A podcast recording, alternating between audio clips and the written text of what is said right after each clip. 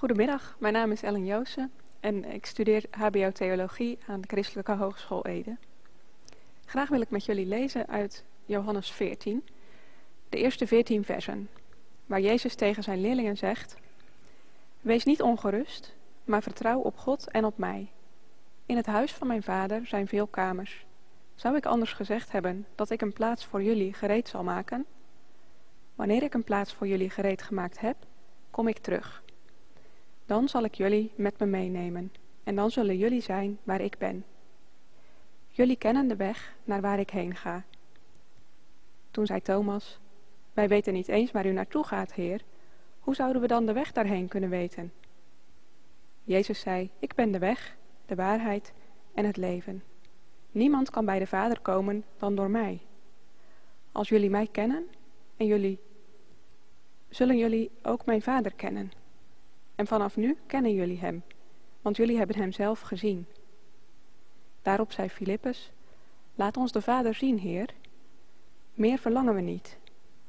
Jezus zei, ik ben nu al zo lang bij jullie, en nog ken je me niet, Filippus? Wie mij gezien heeft, heeft de Vader gezien. Waarom vraag je dan om de Vader te mogen zien? Geloof je niet dat ik in de Vader ben en dat de Vader in mij is? Ik spreek niet namens mezelf als ik tegen jullie spreek, maar de Vader die in mij blijft, doet zijn werk door mij. Geloof me, ik ben in de Vader en de Vader is in mij. Als je mij niet gelooft, geloof het dan om wat hij doet. Waarachtig, ik verzeker jullie, wie op mij vertrouwt zal hetzelfde doen als ik, en zelfs meer dan dat.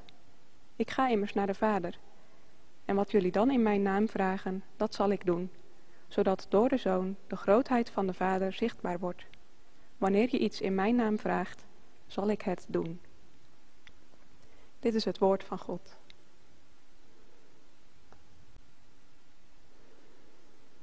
Hoe heb jij afgelopen feestdagen gevierd?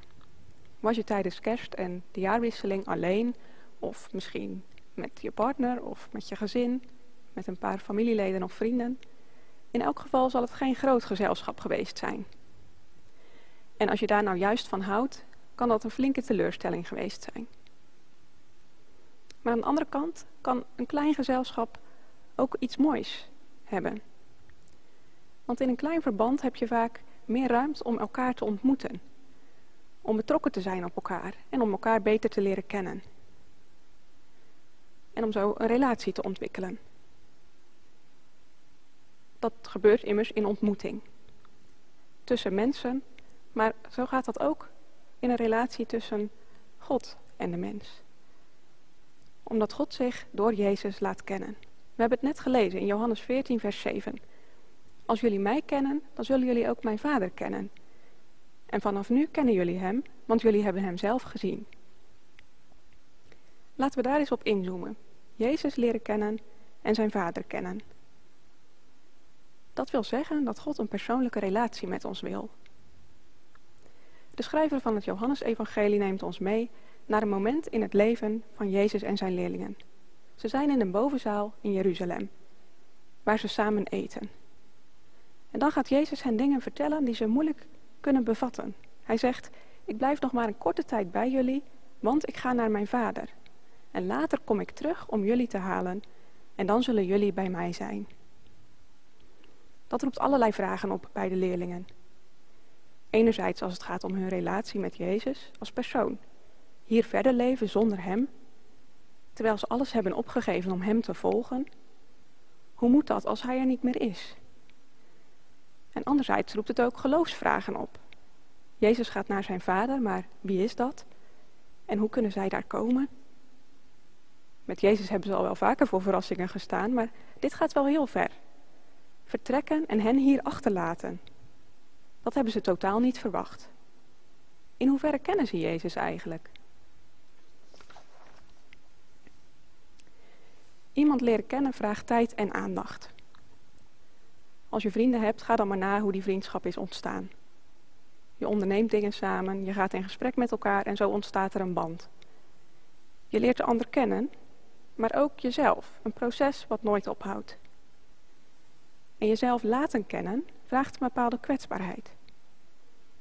Als je laat zien wie je bent, kan je afgewezen worden. En dat raakt je persoonlijkheid.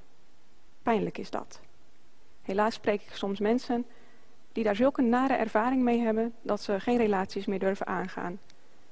Ze hebben een muur om hun hart gebouwd. En niemand mag die afbreken. Zo zie je dat in contact met mensen vertrouwen een rol speelt. Vertrouwen dat de ander integer met je omgaat. Jezus en zijn leerlingen hebben ook tijd en aandacht in elkaar geïnvesteerd. Drie jaar hebben ze samen opgetrokken. Ze zijn het land Israël doorgegaan, van de ene plek naar de andere. En Jezus deed wonderen. Vaten vol water veranderde hij in wijn. Een man die jarenlang ziek was, maakte hij beter. Hij ging in gesprek met mensen. Soms waren de leerlingen daarbij en soms schoven ze later aan. En in die wonderen en gesprekken liet Jezus zien wie hij was. De Messias, de koning die al lange tijd verwacht werd, de zoon van God. Voor veel mensen was dat onwerkelijk, zoals voor de Joodse leiders in die tijd. Ze konden zich niet voorstellen dat Jezus daadwerkelijk de Messias zou zijn. Dat hij sprak over God als zijn vader, dat zagen zij als godslastering. Ook tegen het volk had Jezus wel eens gezegd dat hij terug zou gaan naar degene die hem gezonden had. Maar de mensen konden dat niet plaatsen. Ze begrepen het niet. Veel van hen lieten zich niet in met Jezus. Ze vertrouwden hem niet. En wie dat wel deed en daar openlijk voor uitkwam, werd door de Joodse leiders de synagoge uitgezet. Dat maakt het ook niet bepaald laagdrempelig om je aan Jezus te verbinden. Maar Jezus' leerlingen doen dat wel. Ze geloven dat hij de Messias is. En tegelijk begrijpen ze vaak niet wat Jezus zegt en doet. En nu zegt Jezus, ik ga naar mijn vader en later zullen jullie daar ook komen. Jullie kennen de weg naar waar ik heen ga. En dan zegt Thomas namens de andere leerlingen, we weten niet eens waar u naartoe gaat, Heer. Hoe zouden we dan de weg daarheen kunnen weten? Het was niet de eerste keer dat Jezus zijn vertrek aankondigde en hij had zijn leerlingen al heel vaak de weg van het geloof gewezen. Dus Thomas stelt die vraag niet zozeer uit onwetendheid, maar meer uit onbegrip. Als Jezus de Messias is, dan kan het toch niet zo zijn dat zijn koningschap hier op aarde er nu al op zit. En als dat zo is, ja, dan willen de leerlingen het liever ook niet geloven.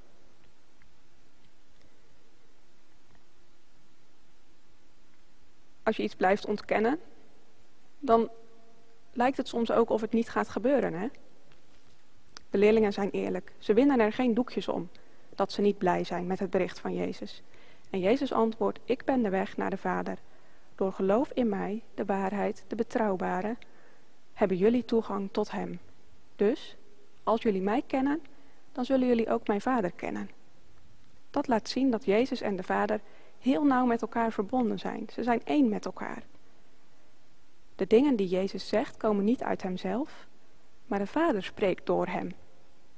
En in wat Hij doet, wordt de Vader zichtbaar. Door Jezus kunnen ook wij de Vader leren kennen, of beter leren kennen.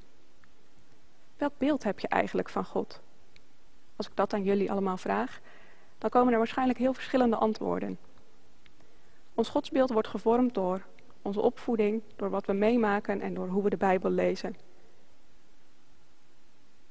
God is groot en als we over hem spreken, dan schieten woorden altijd tekort.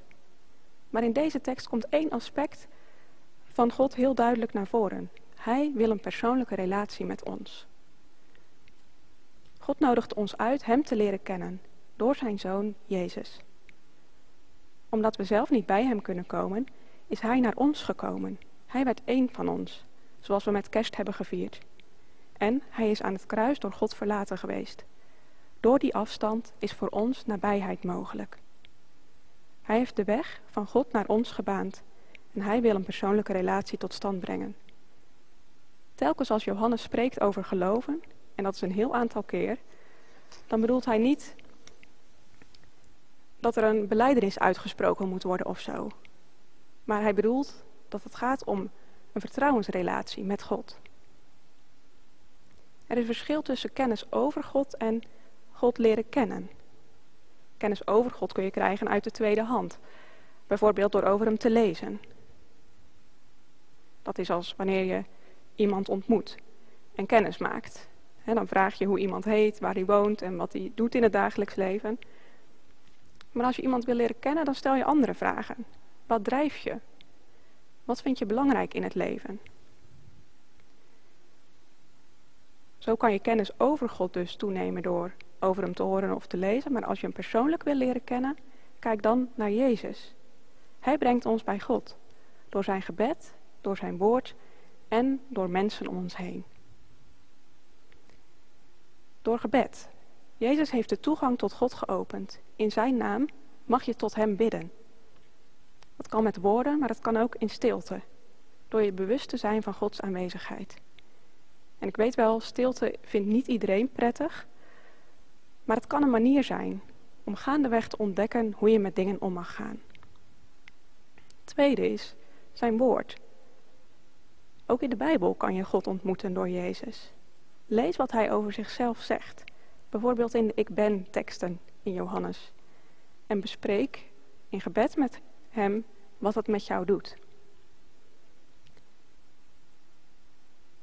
En je kunt Jezus ontmoeten in mensen om je heen. Iemand die onverwacht aandacht voor je heeft, je een spiegel voorhoudt of een glimlach geeft. Bij dit soort momenten realiseer ik me vaak pas achteraf: hé, hey, volgens mij wilde God me hier iets mee zeggen. In het vervolg van de tekst zegt Jezus tegen zijn leerlingen: Vanaf nu kennen jullie mijn Vader, want jullie hebben hem zelf gezien. De leerlingen kenden Jezus in zekere mate, maar vanaf nu verandert er iets. Ze gaan inzien dat Jezus daadwerkelijk de vertegenwoordiger van de Vader is en dat God in Jezus bij hen is. Zo hebben ze de Vader gezien, al begrijpen ze het zelf nog niet. Filippus vraagt zelfs, laat de Vader maar zien, Heer, dan zijn we overtuigd. En opnieuw legt Jezus uit dat de Vader door hem zichtbaar is. Misschien denk je nu wel, wil ik God eigenlijk wel kennen en zien? Een persoonlijke relatie, dat komt wel heel dichtbij. Zit ik daarop te wachten? Kan inderdaad spannend zijn. Want jezelf openstellen voor een relatie betekent ook de controle loslaten. Je kan niet meer helemaal onafhankelijk bepalen wat je doet. Samen met God je levensweg gaan is de controle over je leven uit handen geven. Vertrouw er dan op dat dit goede handen zijn. God laat zich zien als ik ben wie ik ben. Hij is de betrouwbare. Met hem is je leven niet ineens zonder pijn en verdriet, maar hij zal bij je zijn. Je kan ook denken, ik wil wel geloven dat Jezus de Zoon van God is en ik wil hem wel vertrouwen, maar dat lukt me niet. Misschien vind je het te abstract en zeg je net als Filippus, laat me de Vader maar eens zien en dan geloof ik het wel. Of je had eerder een enthousiast geloof en nu lijkt dat helemaal uitgeblust te zijn. Het kan inderdaad zo zijn dat we het zicht op Jezus kwijtraken, door omstandigheden in ons leven, of doordat we ons van Hem afwenden. Maar ook als we vol onbegrip of onzekerheid zijn, is Jezus er. Je mag tegen Hem uitspreken wat je niet begrijpt of wat je zou willen zien. Geloof begint waar zekerheid ophoudt, wordt wel gezegd. Je hoeft niet alles te begrijpen of zeker te weten om Jezus te vertrouwen. De leerlingen willen Jezus vertrouwen en krijgen ondanks hun vragen en twijfels grote beloften mee. Jezus gaat naar de Vader en dan is hij niet meer fysiek bij hen. Maar met zijn geest blijft hij bij de leerlingen. En ook in hun woorden en daden zal de Vader zichtbaar zijn. Ze mogen Gods nabijheid verwachten in hun leven en uitzien naar een toekomst waarin ze bij Hem zijn. Jezus is immers naar de Vader gegaan om een plaats voor hen gereed te maken. Ook door jou wil God zich aan anderen laten zien, zodat steeds meer mensen Hem leren kennen en ook jij mag uitzien naar een toekomst vol van hoop. We zijn een nieuw jaar ingegaan.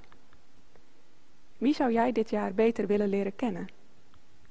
Bedenk eens hoe je voor diegene een vriend zou kunnen zijn. En zie je er naar uit om meer over God te leren? Of zou je hem misschien beter willen leren kennen? Je mag ervoor kiezen hem te vertrouwen. Hij wil bij je zijn met zijn liefde. Ik wens je mooie ontmoetingen dit jaar. Amen.